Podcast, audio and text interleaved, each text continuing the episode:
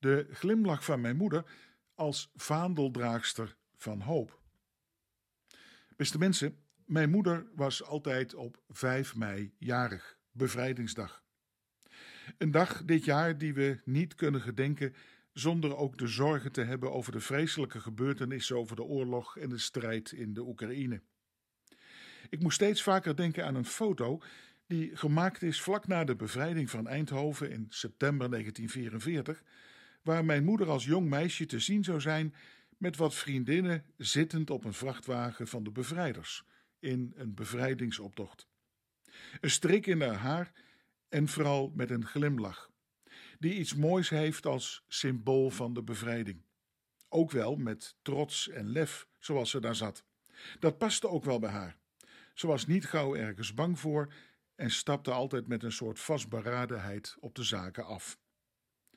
Maar vooral die lach van de bevrijding, van nieuwe hoop en van nieuwe levenskracht, die je op al die gezichten zag. Vrijheid om te kunnen leven in een toekomst die weer voor haar lag.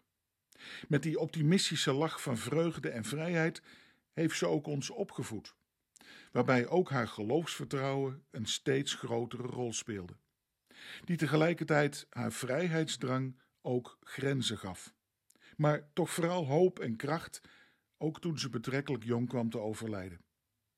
Mijn moeder was voor ons als een soort vaandeldraagster van hoop en van geloof en van liefde. Dat letterlijk vreugdevolle gezicht van de bevrijding en de vrijheid van mijn moeder kreeg in de afgelopen tijd in mijn gedachten als het ware zware rimpels. Ik zag haar gezicht als het ware zorgelijk fronsen bij het zien van die trieste beelden uit het oorlogsgebied. Ze paste eigenlijk wel in dat schilderij van die andere vadeldrager van Rembrandt, die nu een tour maakt door alle provincies in ons land.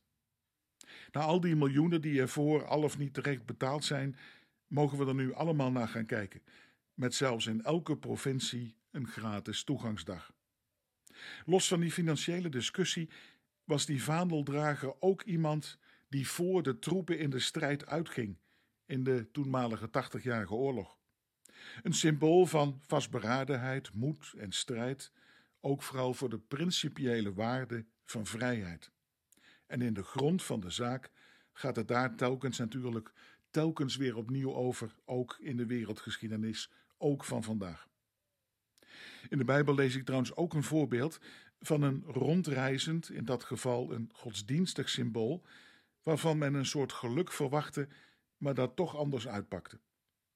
In dat tijd werd Gods aanwezigheid in Israël gesymboliseerd door een soort kleine ark, een houten kist, die meegedragen werd tijdens de woestijnreis naar het beloofde land, met daarin de tien geboden en een flesje manna als teken van Gods zorg voor zijn volk en de staf, de leiderstaf van de Aaron. Nee, die ark was niet een afgodsbeeld, maar als een teken, een levende herinnering van bevrijding.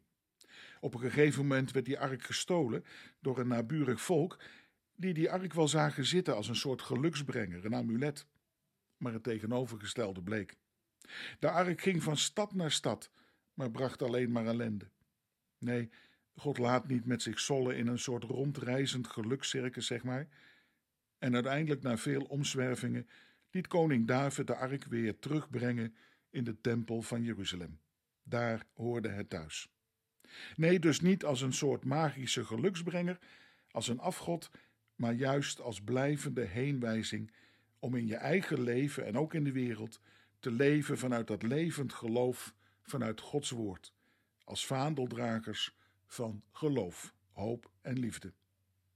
Die waarde van de vrijheid, die ook haar grenzen kent, vinden we natuurlijk niet alleen in symbolische iconen in musea of zelfs in de kerken en foto's met waardevolle herinneringen.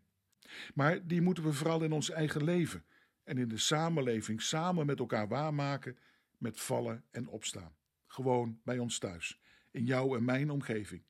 Soms met die hoopvolle glimlach of vaker met hoopvolle keuzes.